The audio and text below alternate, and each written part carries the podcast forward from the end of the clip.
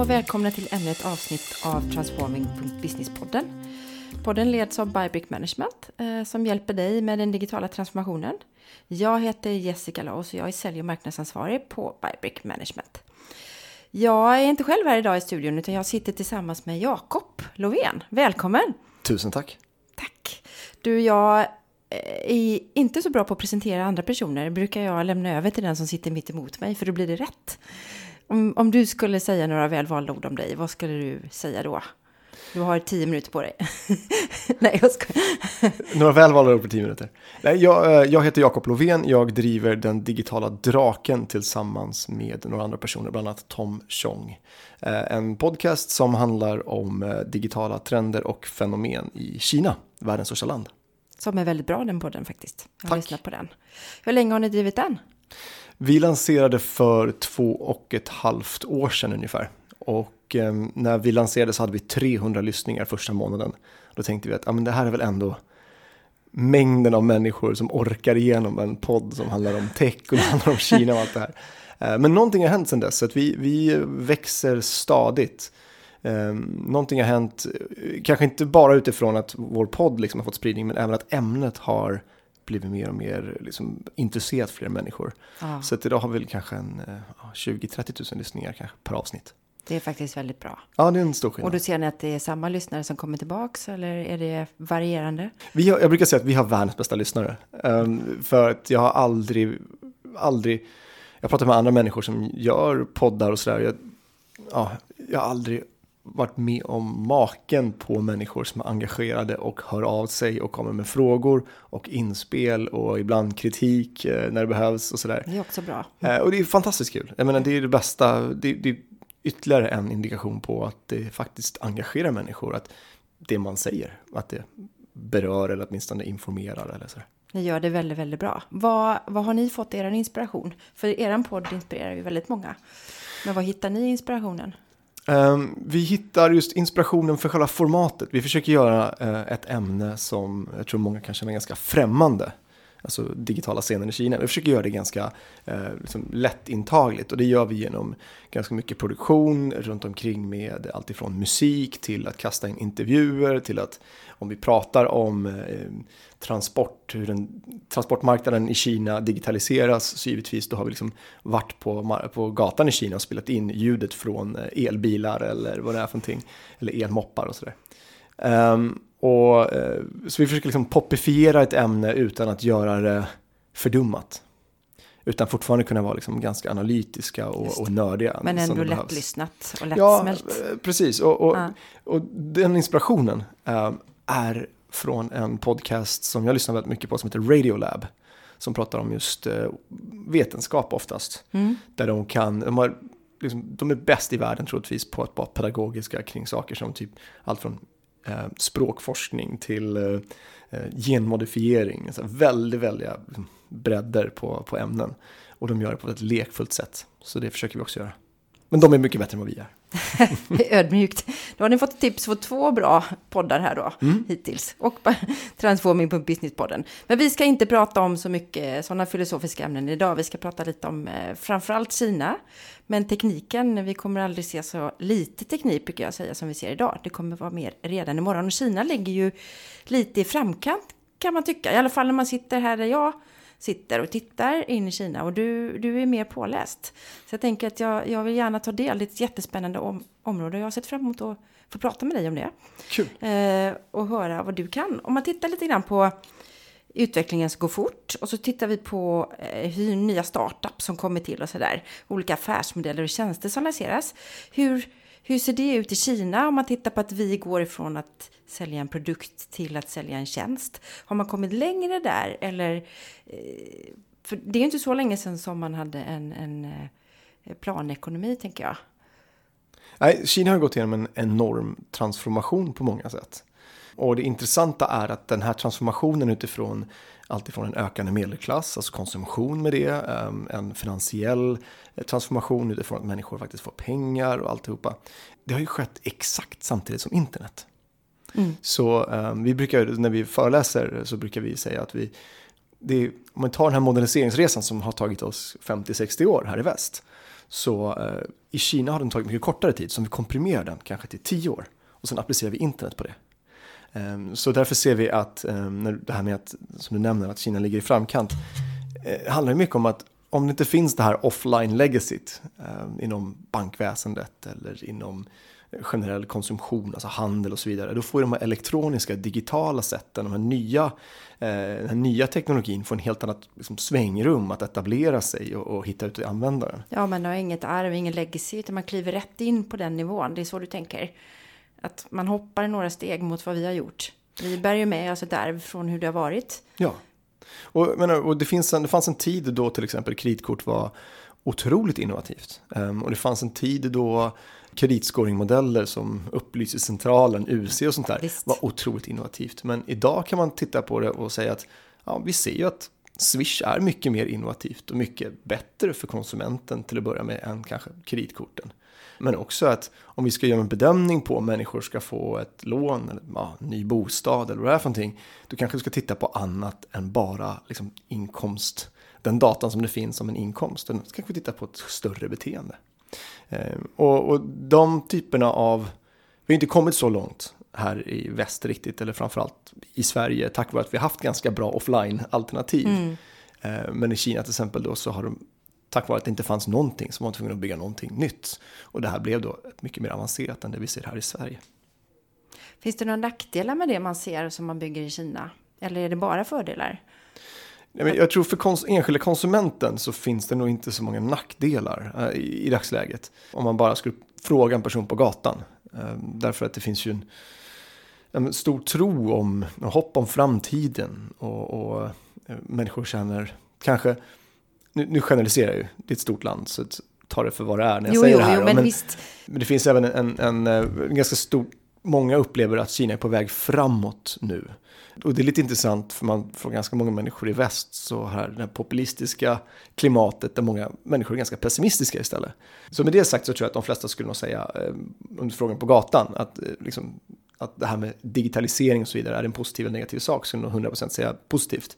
Sen finns det ju samma eh, utmaningar som man ser överallt annars, det här med data.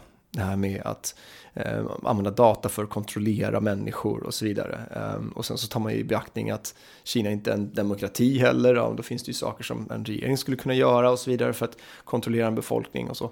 Så att det finns ett mikro och så finns ett makroperspektiv. Men just nu skulle jag säga att den här utvecklingen av att hundratals miljoner människor faktiskt har råd med mat på bordet som ja, vi inte hade klart. för, ja, för 30 år sedan eller 40 mm, år sedan. Det, det är bara positivt. Ja, men jag tänkte egentligen, jag, jag, hoppades att du skulle svara att det här med att du kan kontrollera människor när man betalar med mobilen och att kreditbanker så ägs av ett fåtal, att det skulle kunna påverka. För härifrån så hör man ju på föreläsningar och läser om WeChat heter det väl, eller något sånt där rankningssystem som är lite intressant. Och, och, där jag har fått till mig att 2020 så ska alla kineser rankas ut efter beteende, vilka du umgås med och vad du handlar och sådär.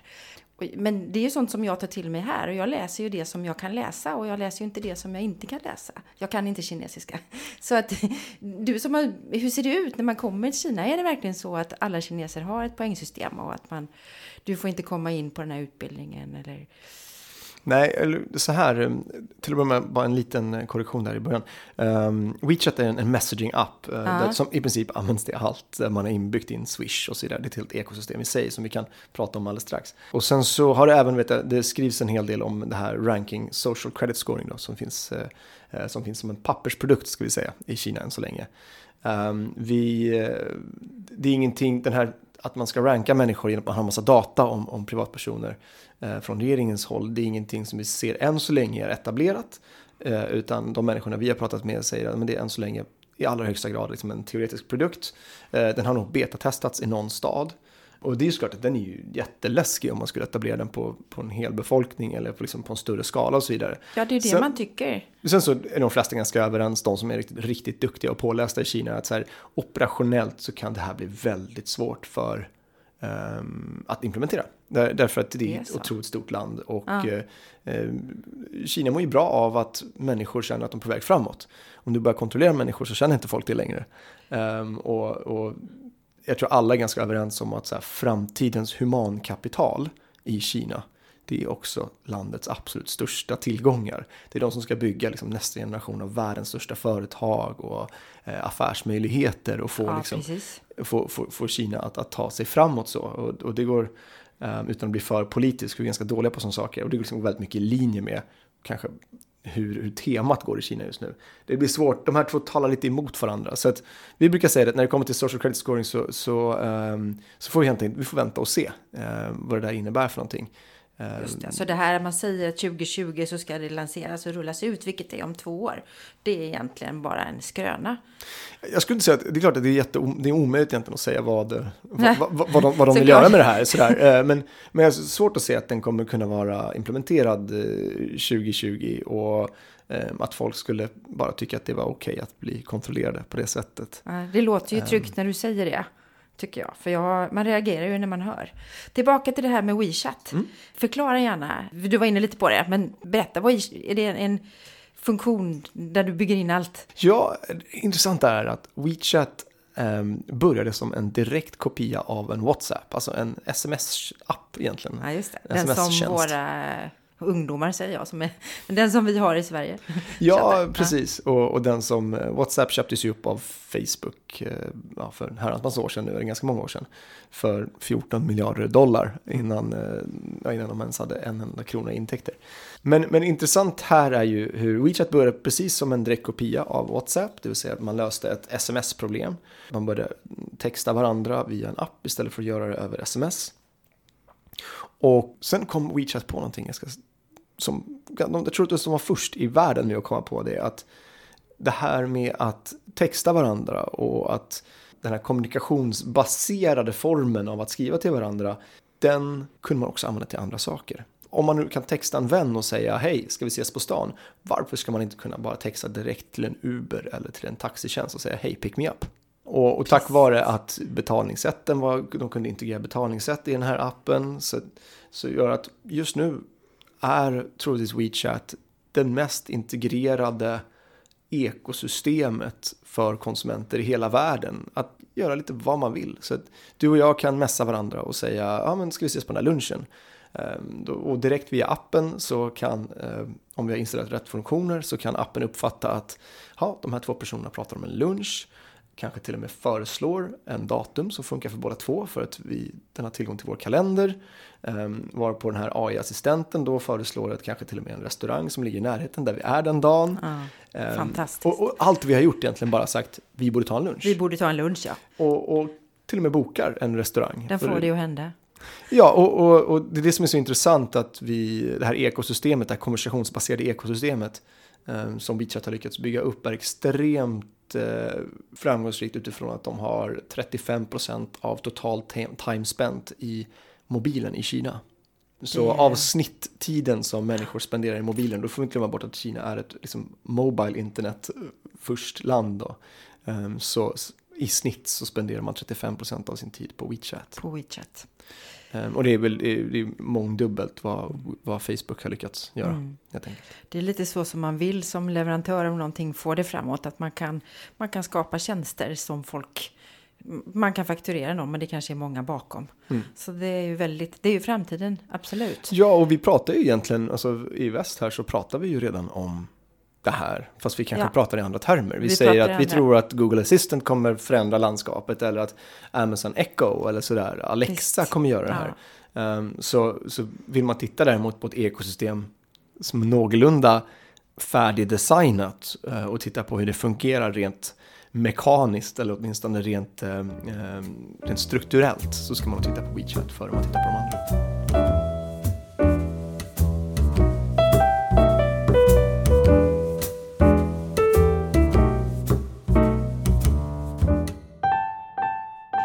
Jag tänker att vi ska prata lite grann om hur vi tar oss fram i samhället. Mm. Jag bor ju i Göteborg på västkusten och där håller man just på och gräver upp hela stan. Man bygger västlänk och man bygger massa hus.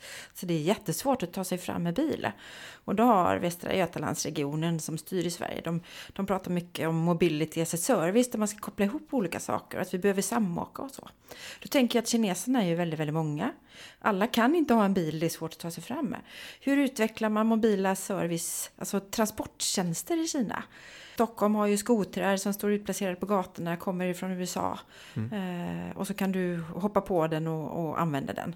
Finns det liknande tjänster och har man kommit längre, någonting som vi kan titta på och ta till oss? Ja, eh, det finns en ganska intressant aspekt av det här i att eh, Kina är ett stort land med väldigt mycket invånare. Ja. I storstäder som har, som Shanghai då, som har 25 till 30 miljoner invånare. Det är ehm, galet. Då blir det ju, man får ett helt annat trängselproblem och infrastrukturproblem. Det finns ett exempel här att, eh, vi gjorde ett avsnitt om det här eh, när vi gjorde, som täckte ride-sharing då, det här Uber-konceptet. Det finns ett exempel när eh, världens hittills längsta och största trafikstockning som skedde utanför Beijing. Eh, den varade i tio dagar och sträckte sig 100 kilometer. jag ska tänka på det när jag åker till jobbet, det tar en timme. ja, man får lite perspektiv. Liksom. Nu, jag kommer inte fram den här veckan. Ja. Så, och jag läste någon siffra att eh, trafikstockningen, alltså traffic congestion, kostar staden Beijing 4% av deras BNP varje år. Ja, och det är motsvarande vad, vad, Sverige lägger på skolan, alltså 4% av vår ja, BNP. Så det är, ju... det är ett rejält problem för många människor. Det kostar samhället mm. och det kostar i produktivitet och allt sånt där. Men det blir också en drivkraft då att utveckla, som är kanske lite starkare. Vi har ju inte haft det problemet riktigt i Sverige. Nej, och precis det. Du, du har helt, helt rätt. Därför ser vi liksom just att den här utvecklingen av att hitta nya lösningar på det här ganska gamla problemet det är, eh, det är mycket mer pengar bakom det eftersom det är mycket större marknad också. Och det finns en intressant aspekt i att eh, all den datan du får genom att bara vara en, säger en, en Uber-aktör i Kina när det är så pass stor marknad och världens största taximarknad gör att om du vill bygga självkörande bilar eller bygga ett system som kan förutspå hur trafikknutar uppstår och så vidare då kan du nog göra det bäst på den här marknaden. Eh, så därför ser vi liksom att, att kriget för den här ridesharing-marknaden till exempel och transportmarknaden är jäkligt tuff just nu i Kina. Ja, det är många som försöker ta den det positionen. Det är många som vill ta den. Är det någon som har en, en framstående position? Det finns ett bolag som, som faktiskt konkurrerade ut Uber ur Kina som heter Didi.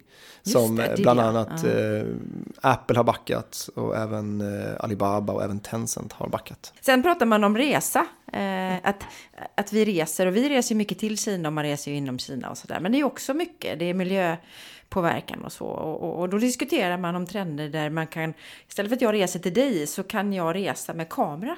Att vi är uppkopplade så kan jag känna lite via VR och, och så och se hur det ser ut. Är det en trend som du ser framåt? Som har fångat upp?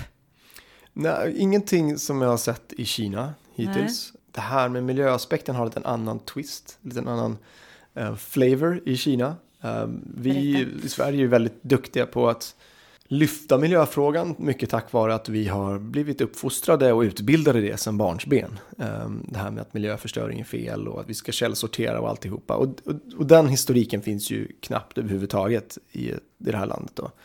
Uh, istället finns en annan drivkraft i miljöfrågan och det är ju att hundratals miljoner människor har växt upp med luftföroreningar. Just det.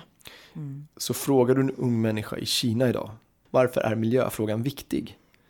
Då svarar de troligtvis för att jag inte vill dö av lungcancer när jag är 40. Just det. Det är väldigt centralt, centralt kring deras egen överlevnad. Deras egna staden. personliga upplevelser.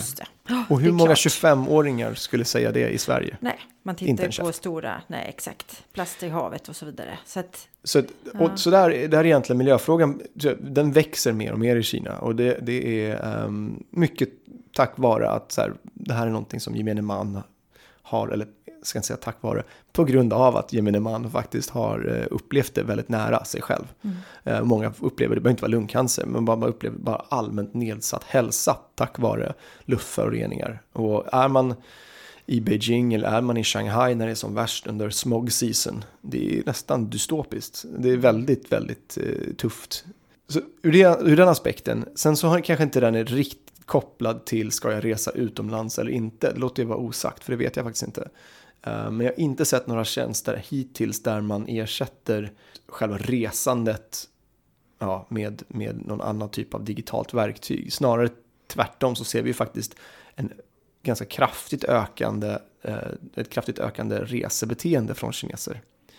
Så runt en 120 miljoner människor reser utomlands eh, Ja. från Kina. Ja, Och eh, den här gruppen växer kraftigt. Så för några år sedan, nu kanske inte har den senaste siffran, men så växer den här gruppen med ja, 20 procent eh, per år. det ser vi även här i Sverige att det är fler kineser som börjar komma och hälsa på. Ja, verkligen. Eh, Såklart. Du var lite inne där på, på människan och hälsa och det är en viktig aspekt. Och där har man ju pratat mycket om uppkopplade människor och AI. Eh, och då finns ju den här diskussionen kring vem äger datan och hur ska vi använda den. Och vi har ju GDPR. Mm.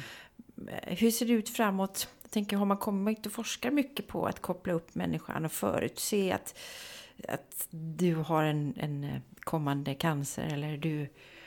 Är det någonting som sticker ut i forskningen som vi inte ser här? Ja, Eller- jag, eller jag har inte sett någonting i dagsläget som just har med, med den datan att göra. Men det finns ju intressanta aspekter av det här. Dels utifrån att vi kan, eh, ju fler människor som faktiskt börjar dokumentera sin, alltså då, datamässigt börjar dokumentera sin hälsa. Um, allt ifrån att vi, man ser såna tjänster som Kry eh, till att folk börjar använda Fitbit och andra typer av, av liksom, devices för att mäta det här. Så vore det intressant att se, jätteintressant såklart, att se eh, någon som kan ta ett forskarhatten på sig och försöka ta fram lite mer liksom, Använda For the good of data. humanity. Ja, ja eh, utifrån snarare än att hur ska jag sälja på nästa Fitbit-maskin Ja. till den här personen. Eh, men ingenting som jag, som jag kan på rak arm bekräfta eh, sker i, i Kina just nu på den här fronten. Däremot så är ju tack vare att människor bryr sig mer om sin hälsa så, eh, så ser vi ju en, en otrolig trend i det här med att man investerar i sitt well-being. ja, Eh, och det innebär industri, ju, ja. ja, ja, man, det innebär ju att träning har blivit en helt annan grej för unga människor. Just att hålla, liksom, att, att hålla kroppen i, i någon form av gott skick. Alltså det här blir, blir väldigt viktigt och väldigt snabbt i den utvecklingen just nu. Och där, Ehm, där driver bland annat eh, min kollega som jag driver den här podden med, han driver en, en startup som handlar just om att, att hjälpa människor att komma igång med träningen ehm, och, och guida dem till rätt träningsform utifrån eh, deras behov och kanske deras intresse och vad de har tid med och allt det här. Ehm, och, och det här med, all, med, med, med största sannolikhet ett extremt starkt växande segment i Kina. Vi pratade lite om det i början av, eh, av podden när vi pratade om tjänstifiering och, och så. Men hur ser det ut med ägarskap av produkter? Vi pratar mer och mer om samägande och att företag går till att gå ihop för att, att liksom lansera. Du var lite inne på det att du har självkörande bilar, men det kanske är så att du har eh, inte en egen bil. Har man någon form av process för det eller är det fortfarande inne att man alla vill äga? Jag tänker om man nu börjar tjäna pengar så kanske det ligger lite status i att köpa en bil. Eller tänker man steget längre och säger att nej, jag går med i en mobilpool eller ännu, ännu längre fram att jag faktiskt vi samäger eller vi, vi köper servicen. Jag tror att det där är en, um, det är en jäkligt intressant fråga. För vi har, um, dels såklart finns den här statusen för människor som har råd att köpa en bil. Så Ja. finns en status i det. Um, samtidigt som sanningen är att de flesta skulle inte, även om man skulle ha råd att ha bil, bor man i Shanghai så kanske man inte ens vill ha en bil. För att trafiksituationen är, kan vara horribel eh, stundtals. Eh, Så, så det här med ride-sharing då, ehm, som egentligen är det konceptet, fast man är liksom egentligen, det handlar mer om att koppla ihop allt ifrån Ska jag dela en taxi med någon? Ska jag ta en egen taxi? Eller ska jag hoppa på någons moppe? Eller ska jag, ja, vad det nu är för typ av transportsätt. Ehm, Det har ju verkligen, verkligen slagit i Kina. Du, du beställer inte, du- det är nästan svårt att få tag på till exempel då, på en taxi på gatan. Mm.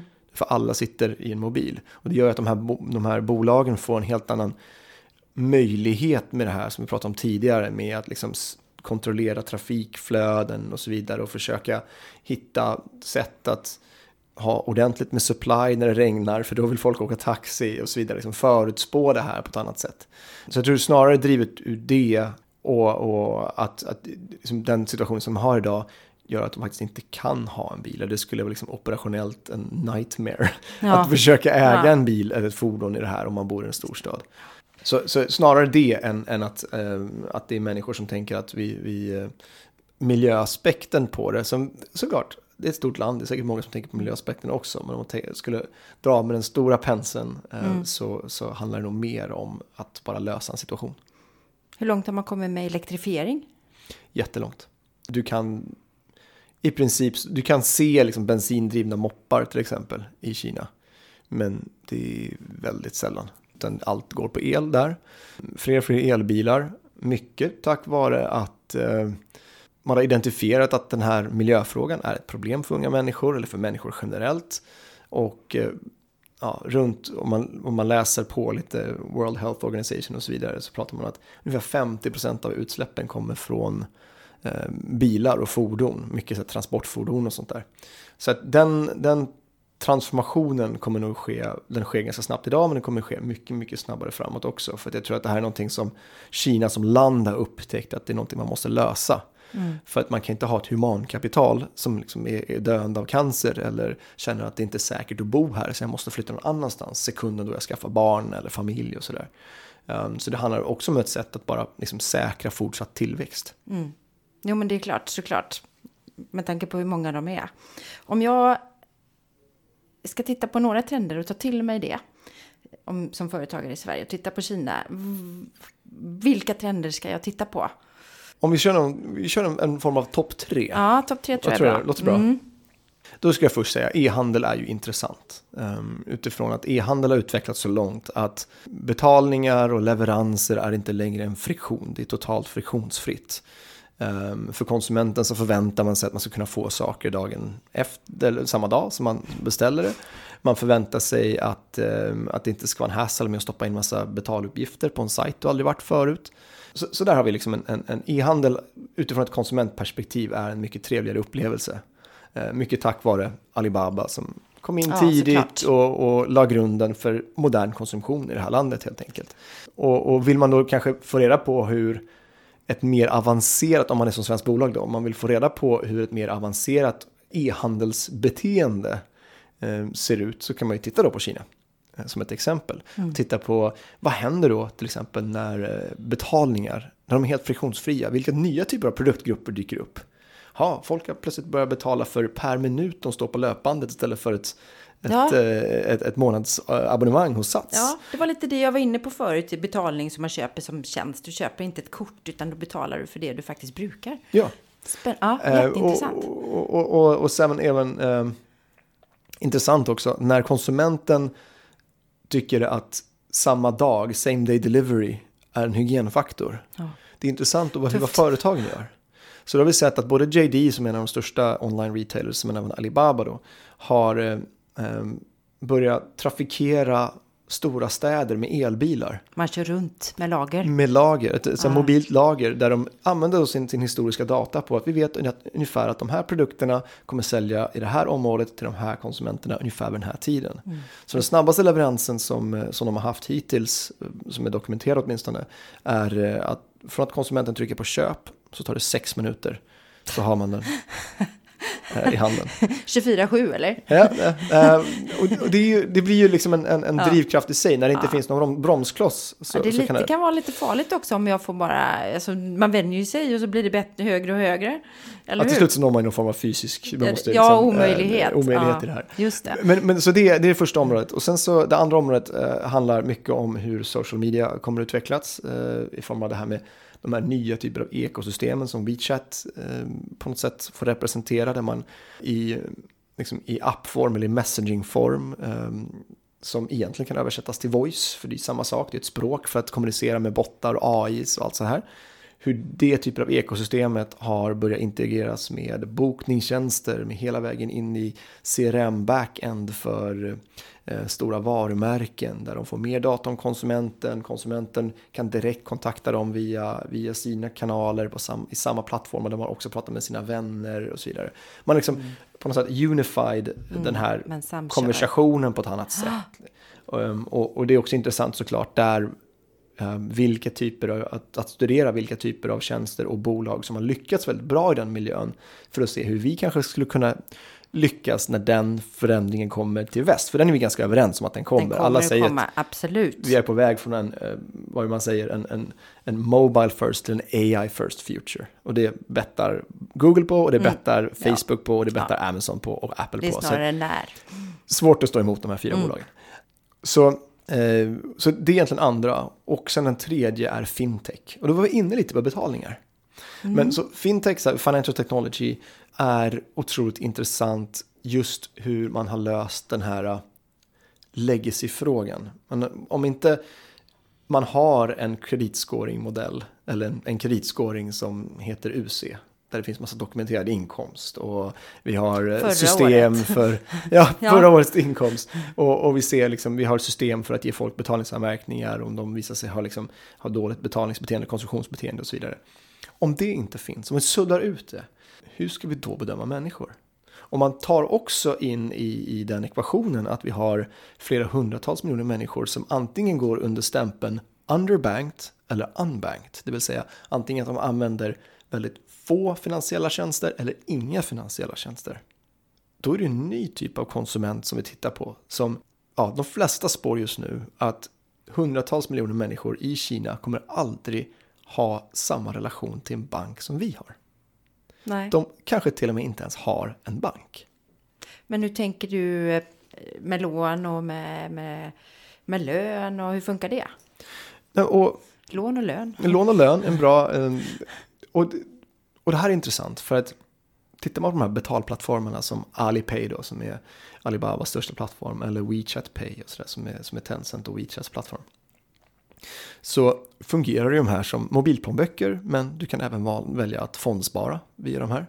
Eh, Så Alibabas eller Ant Financials Okej, de eh, erbjuder det också, fondsparning, eh, de är världens tredje största plattform för, för privat sparande. Mm. De har försäkringslösningar som du vill ha en eh, bostadsförsäkring eller en reseförsäkring. De har konsumentlån, eh, de har en digital bank såklart i det här. Mm. Men, men eh, så de här har liksom ersatt ett behov. Och här finns en intressant aspekt om man skulle liksom vända det här, utan att bli för filosofisk, vända det här mot ett västerländskt perspektiv. Västerländska bankerna, de senaste tio år sedan, eller de senaste tio åren, så har de här i princip hela kategorin, hela industrin har fokuserat på regleringar och slickat såren efter finanskrisen. De har alltså tappat jättemycket mark när det kommer till innovation. Så därför tror jag väldigt mycket på Klarna och alla de här bolagen som nu säger att nej, men vi ska gå från att vara en fintech-tjänst till att faktiskt konkurrera ut bankerna. Därför att de ligger så pass långt efter. Det handlar då såklart fortfarande om att det är reglerat ganska hårt i väst. Och Ja, det är det jag tänker med konkurrens och hur det ser ut. Det, det kan ju inte vara lika reglerat i Kina. En aktör äger och har så stor makt eller så stor del av den kakan. Mm. Eh, Jag har svårt att se att det skulle kunna komma i väst utifrån konkurrensperspektiv och sådär. Jag vet inte. eh, Hur får man till det i Kina? De, det verkar som att, återigen, så är det väldigt svårt att bedöma. För att så här, kinesiska staten säger ju inte, oftast, de säger ju inte exakt hur det är, utan de ger riktlinjer och sådär. Men det, det ser ut som att när det kommer till regleringar så är man ganska, man har en ganska hands-off perspektiv till att börja med. Man låter fintech hända och blossa upp för att man ser att det finns ett reellt problem. För även för Kina så är det ju, så, som land så är det problem att de inte kan göra kreditscoring på hundratals miljoner människor. De här människorna kan inte få ett lån, de kanske till och med inte kan få ett kreditkort. De kan liksom inte komma in i det här konsumtionssamhället som ska, som ska bära Som det ska framåt. bära, liksom. exakt. Så om man då låter privata sektorn lösa det här, det är nästan som att, jag tror vi pratar om det här i podden, jag tror det är Tom som säger det, att det är nästan som att liksom man har förstått att vi kommer aldrig vara så innovativa som en privat sektor kommer vara. Nej. Men sen sa man också att eh, så det, det man gör är att man, man, man, man är ganska hands-off och det verkar som att man alltid vill, eh, man, man prioriterar inhemska bolag före utländska bolag. Eh, Alltså man, man sätter upp eh, olika typer av skydd för, för de inhemska bolagen. Och man vill inte ha en, ett stort bolag som är helt ohotat. Därför det stagnerar ju innovation. Ja, det var lite det jag tänkte. Att, och så händer det någonting med det bolaget och då kraschar det ganska mycket. Ja. Så till exempel då, bra exempel är, är eh, hur man gick in och inte reglerade fintech till att börja med. Och nu har man gått in och reglerat fintech mycket. Man har gjort det. ja. Mm. Inte, inte sådär, inte i dagsläget på att det faktiskt sätter stopp för innovation. Men man har till exempel sagt att ja, men vi tänker inte till- tolerera kapitalflykt. Så därför kryptovalutor förbjuder vi tills vidare. Och sen går man in och säger, ja nu måste vi ge tillstånd för att göra sån här kreditscoring. Som är, som är baserat på big data. Mm.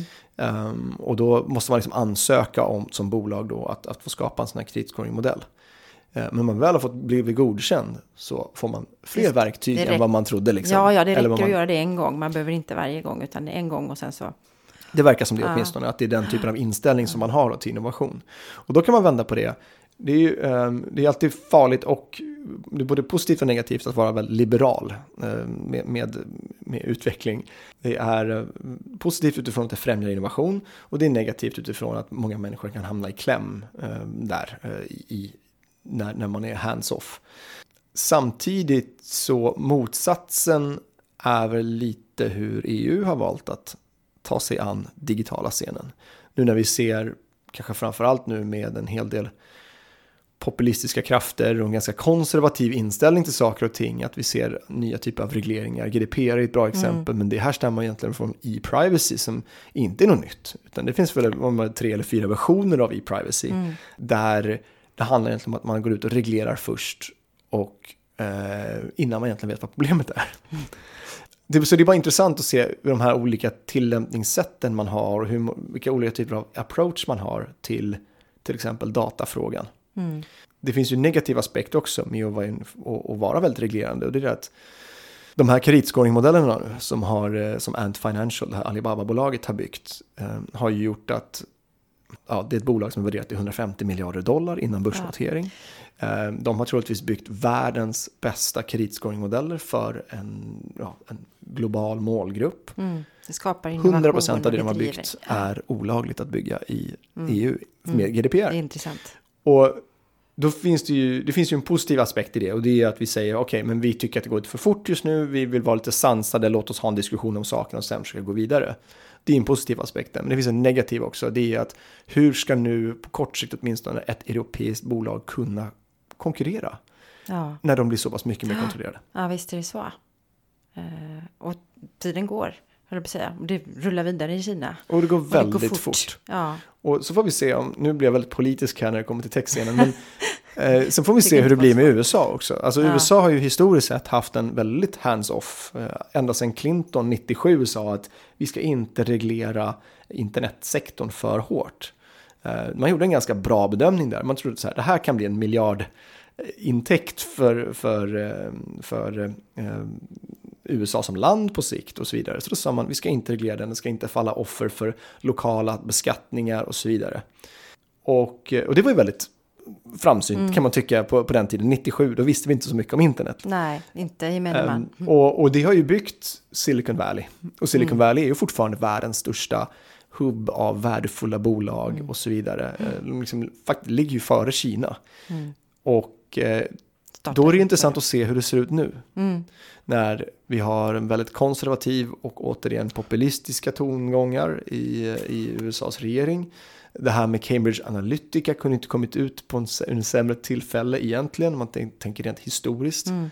För USA har en, eh, en historik av att gå in och reglera företag när de blir för stora. Alltså IBM gjorde man det för, sen så slog man eh, slog man ner på eh, Microsoft för att man tyckte att det här blev för stort. Och nu så har ögonen liksom zoomat in på Facebook och den typen av bolag. Mm. Man börjar prata mer i andra man, för första gången så kanske man har en ännu mer öppen diskussion om hur ska vi reglera den här internetsektorn. Eh, kan den verkligen reglera sig själv? Och, och ja, det, då är frågan vad, vad, det är en väldigt intressant liksom, mm. mental utmaning att tänka vad kommer hända vad då på sikt. Vad får det för konsekvenser? Ja, Precis. absolut. Och framförallt både för USA, för resten av världen och för Kina. Mm. Vilka försprång kan man få i Kina ännu mer? Mm. Du, eh, det har varit jätteintressant att prata med dig. Du är fantastisk. Vad mycket du har i huvudet och kan. Tack. Väldigt bra. Men vi jag tänker att vi måste avrunda, tyvärr. Mm. Eh, vi, vi skulle kunna prata i två timmar till. Vi skulle kunna prata i två timmar ja. till, ja exakt. Vi får göra till avsnitt i Ja, men det får vi definitivt göra. Men mm. jag tänker så här, bara för, för jag vet ju inte vad jag inte vet kanske. Är det någonting som, som du bara måste få med i det här? Någonting som vi utifrån, vi har ju lyssnare i Sverige, det här är ju på svenska, utifrån svenska företag och svenska konsumenter, vad behöver vi ha har koll på. Vad är viktigt? Så vi inte missar något. Du har ju pratat om de här tre sista trenderna och vi har berört lite olika områden. Men finns det någonting som man inte får låta springa förbi? Ja, eh, utan att, nu ska man lite pretentiös här kanske, men jag tror att ehm, som svenska bolag kan man lätt tro eh, eller ha synen att ja, men vi ska inte in i Kina, därför ska vi inte intressera oss så mycket för Kina eller ehm, alltså den typen av tankar. Och här skulle jag säga att vi kan vända på det istället. Det här är företag som har nått samma börsnotering, börsvärden som vi ser i, i USA på de stora amerikanska bolagen. Mm. De är på väg ut, kommer köpa europeiska aktörer. Vi ser fler och fler kinesiska konsumenter som tar med sig de här tjänsterna och så vidare och så vidare. Samtidigt så ser vi en grupp företag i USA, alltså fangbolagen, alltså Facebook och de här. Ja. De opererar på en aggressivitet, en nivå av aggressivitet som vi aldrig har sett förut. Vi har aldrig sett storbolag ag- så här aggressiva och på den här skalan. Vi har världens första trillion dollar company i form av Apple. Mm. Vi kommer behöva, lilla Sverige, vi kommer behöva alla verktyg, alla learnings vi bara kan få från Ja. hela världen. Ja. Det räcker inte bara med Kina. Nej. Men jag tror att man kan liksom, genom att blicka in i Kina som ändå ligger lite längre fram när det kommer till utvecklingen så kommer vi kunna få en lite bättre, kanske lite mer learnings utifrån att eh, hur ska vi navigera det här nya ekosystemet? Eh, hur kommer en stor aggregator som eh, Amazon, hur kommer de missbruka sin position sekunden någon kommer in och tar över? Hur ska vi se på det här nya voice-ekosystemet? Hur ska vi som företag bara navigera, hitta nya kunder, skapa liksom, nya relationer och så vidare? Ha Som med sagt, sig allt det i, i liksom sin framtidsplan. ja, och jag tror att här, vi behöver hitta bra exempel över hela världen. Och då, det är därför vi gör den här podden. Vi tycker att, att vi kan bidra med väldigt intressanta case som har liksom uppstått ur världens största internetpopulation där vi ser just nu en digital tillväxt som inte motsvarar någonting annat i hela världen. Eh, Den här perfekta stormen av kapital, konsumenter, utveckling och så vidare. Eh, Så, så det är väl kanske en uppmaning till svenska företag att ha inte missuppfattningen om att, att ni måste intressera er för Kina bara om ni är på väg dit eller köper någonting därifrån, utan det finns andra anledningar också. Mm. Gud, vilket bra avslut. Mm. Jag hoppas du vill komma tillbaka så vi får prata mer. Definitivt. Så jag får ställa de frågorna som jag inte ställde idag. Tack för att du kom. Tusen tack. Mm.